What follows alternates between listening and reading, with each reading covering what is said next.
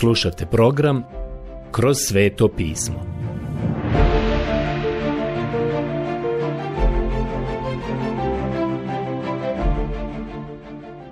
Knjiga Poslanica Efežanima. Odlomak Poslanica Efežanima, poglavlje 6 od 16. do 24. stiha. Nastavit ćemo sada govoriti o oklopu koji dijete Božije treba nositi kako bi se moglo suprotstaviti duhovnom neprijatelju. Taj oklop je zapravo duhovni oklop. Taj oklop je Krist. Prije nego što pročitam, mislim da bih trebao reći da smo sada vidjeli da su veoma važan dio tog oklopa bili bokovi koji su opasani istinom. A to je Božja riječ. Krist je istina mi ga trebamo upoznati i upoznati snagu njegovog uskrsnuća. Mi trebamo obući oklop pravednosti, a to je Krist. On je učinjen našom pravednošću. To je jedina stvar koja može stajati protiv đavola. Ali ispod tog oklopa treba biti srce i savjest koji su čisti zbog ispovjeđenih grijeha, zbog hoda sa Bogom i zajedništva sa njim.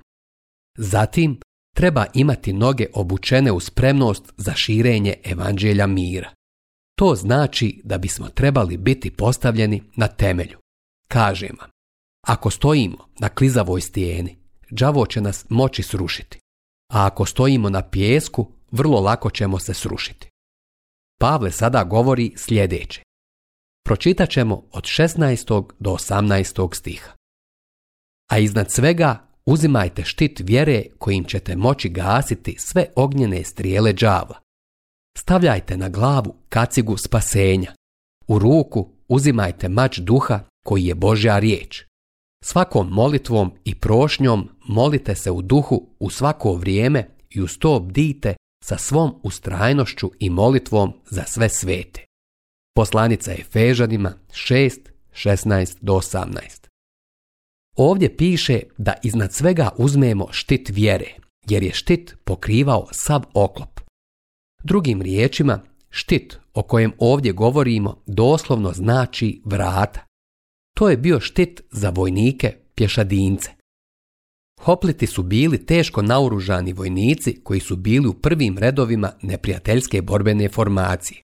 I onda bi oni snažno udarili na pješadiju. Ovaj štit je bio poput velikih vrata i vojnik pješadinac koji je stajao iza njega bio je potpuno zaštićen.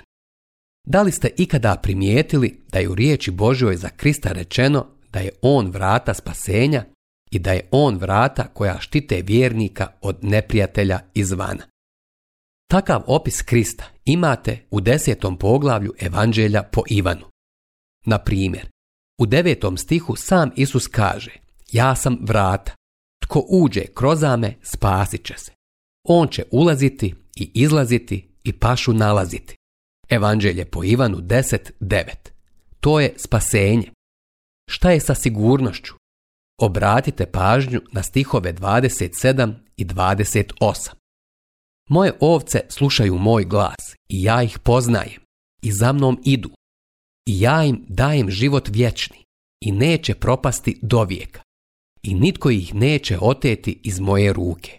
Evanđelje po Ivanu 10, 27 do 28. Prijatelj, pa to je zaštita, zar ne? Ovdje vidimo da je dio naše bojne opreme štit vjere. Vjera nam omogućava da uhvatimo i držimo se gospoda Isusa Krista. I to je veoma važno.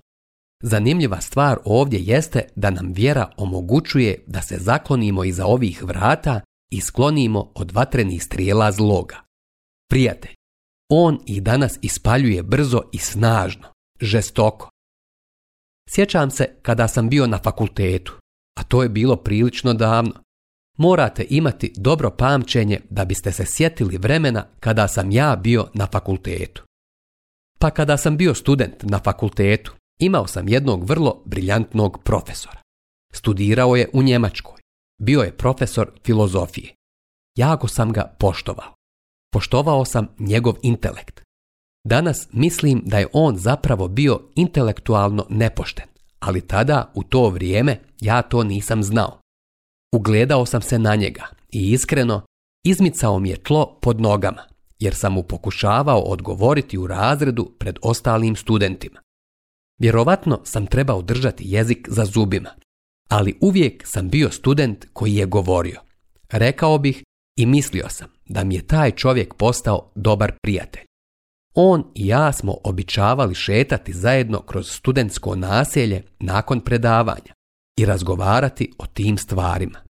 Otvoreno vam kaže, ja sam došao do toga da sam otišao gospodu u molitvi i rekao sam, gospode, ako ne mogu vjerovati tvojoj riječi, ne želim ići u službu.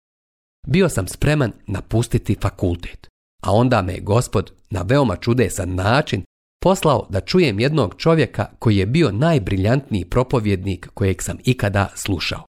On mi je dao odgovor na to. Želim vam reći da sam tada počeo učiti da kada na mene bude ispaljena neka vatrena strijela, a ja nemam odgovor, tada treba samo da podignem štit vjere. To je ono što radim od tada štit vjere sigurno obara vatrene strele zloga. Sjećam se kada me je priča o stvaranju užasno uzrujala. Oh, bio sam spreman napustiti službu, jer nisam mogao prihvatiti neke stvari. Otvoreno vam kažem, problem nije bio u mom malom pigmejskom umu. Mislio sam da jeste. Problem je bio što jednostavno nisam znao dovoljno. I tada sam podigao štit vjere. Uradio bih to isto ukoliko bi danas neko došao sa nečim što bi bilo uznemirujuće. Jedan čovjek i ja smo u Izraelu prolazili pored ljudi koji su obavljali arheološka iskopavanja. Pretpostavimo da tamo dole iskopaju nešto što će izgledati kao da opovrgava Bibliju. Koju ćeš poziciju ti zauzeti? Ja sam rekao. Stavit ću štit vjere i to će odbiti vatrenu strijelu zloga jer sam naučio da kada se odbije ta vatrena strijela, nakon toga će doći i tačan odgovor. Ta naša šetnja je bila veoma zanimljiva. Vraćam se na dan kada su ljudi preispitivali to da li je apostol Ivan napisao evanđelje po Ivanu. Mislim da je to danas prilično dokazano i opšte prihvaćeno. Jedno vrijeme sam i ja imao dileme i pitanja o tome. Prijatelj, Vatrene strijele danas dolaze brzo, bijesno i nastavit će dolaziti. Jedina stvar koja će ih oboriti jeste ovaj štit vjere. On je poput velikih vrata. U rimsko vrijeme, kada su neprijateljski hopliti dolazili i napadali, ovi vojnici, pješadinci, uglavnom su bili pokošeni u takvom sukobu. Ali kada bi ovi mladići upotrijebili svoje ogromne štitove, onda bi se zaštitili. Oni bi ih samo izbacili pred sebe i odbili svaku vatrenu strijelu.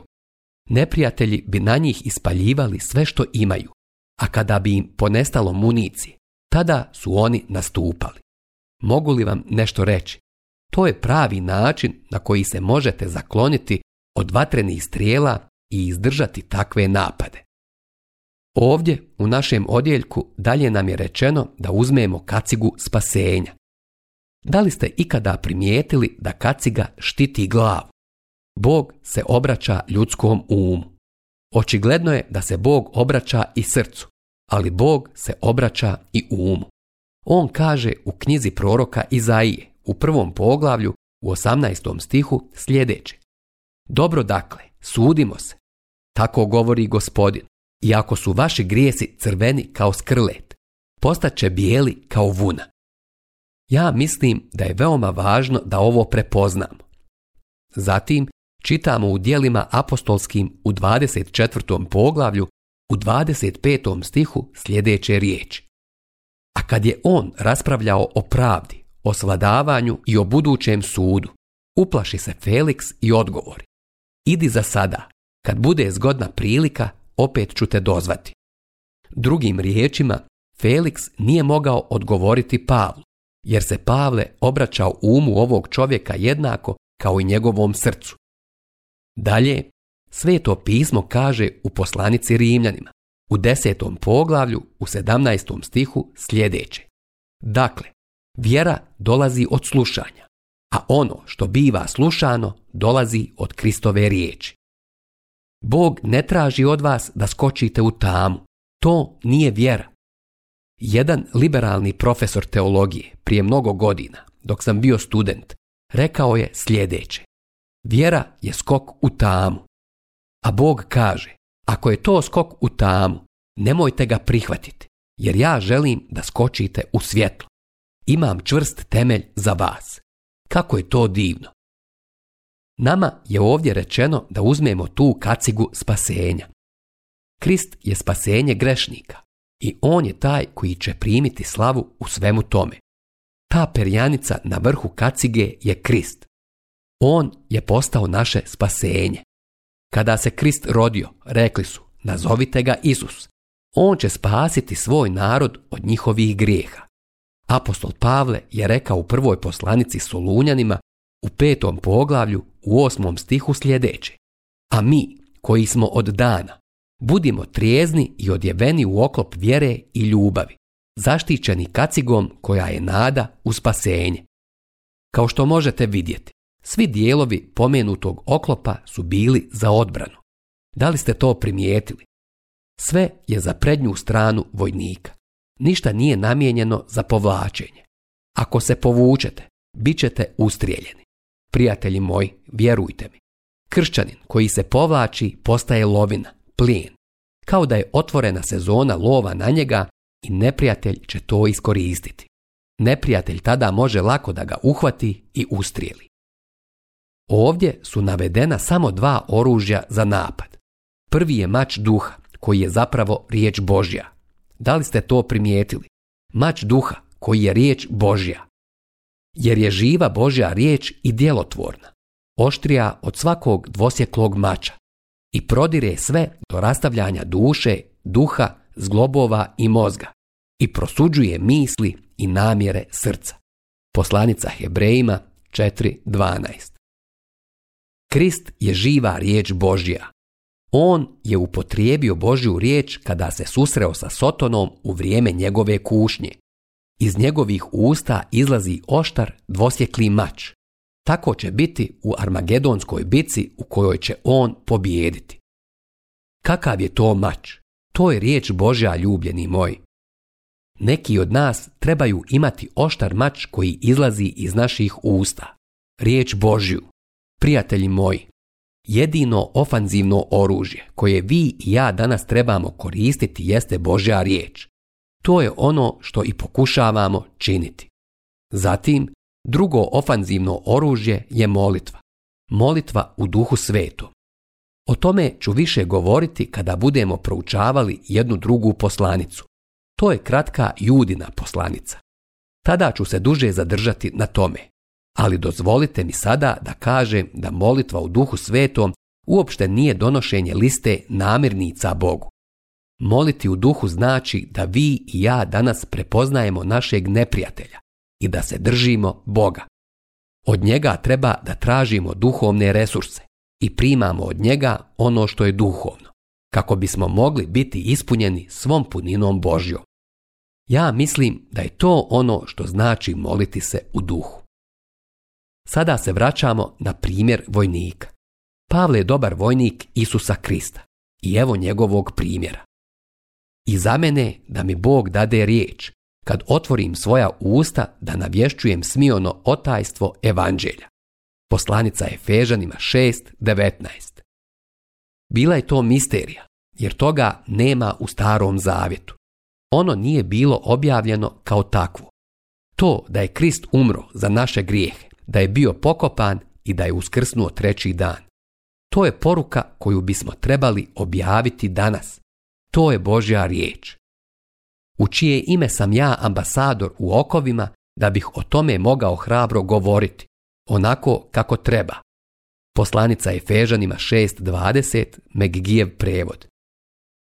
Ja sam poslanik evanđelja u okovima i trebam ga navještati smijono.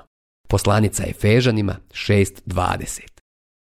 Prijatelji, mogu vam reći da je to prava molitva i da je to ono za čime čeznemo da nam se da razumijevanje i da nam se da odvažnost da objavimo riječ Božju.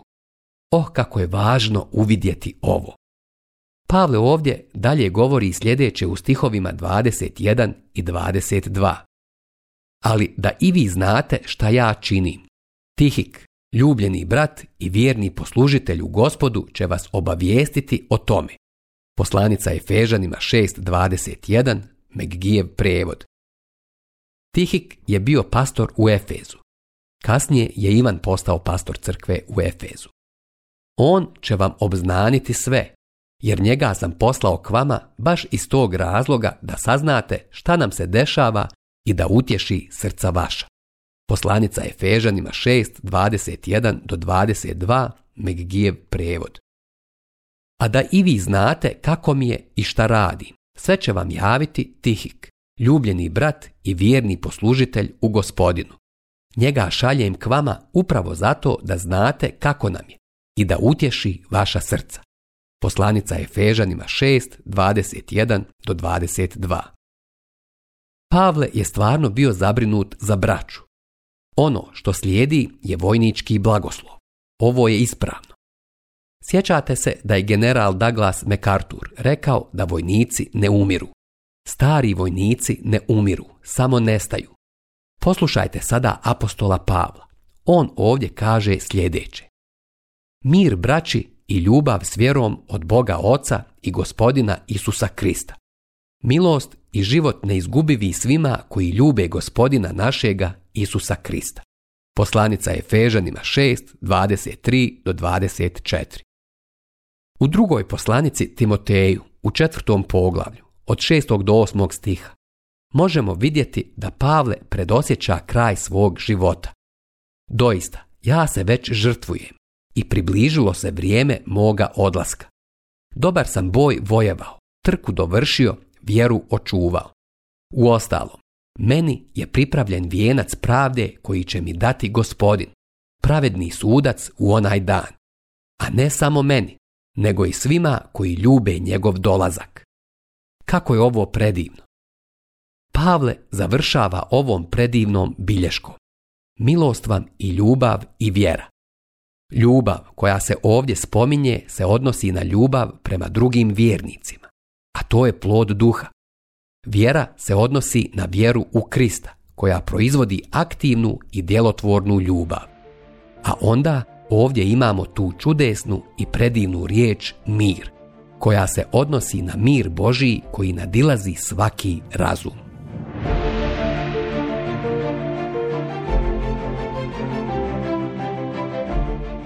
Slušali ste emisiju Kroz sveto pismo. Možete nas slušati i na našem YouTube kanalu, putem mobilne aplikacije, te na svim glavnim podcast platformama kao što su Google, Apple i Spotify. Ako vam se naši programi dopadaju, preporučite ih i podijelite s drugima. Budite slobodni da ostavite svoj komentar ili nam pišite na našu e-mail adresu kroz sveto at gmail.com Zapratite našu stranicu kroz sveto pismo BiH na Facebooku i na Instagramu. Emisije iz ove serije možete pronaći na našoj stranici ttb.t org.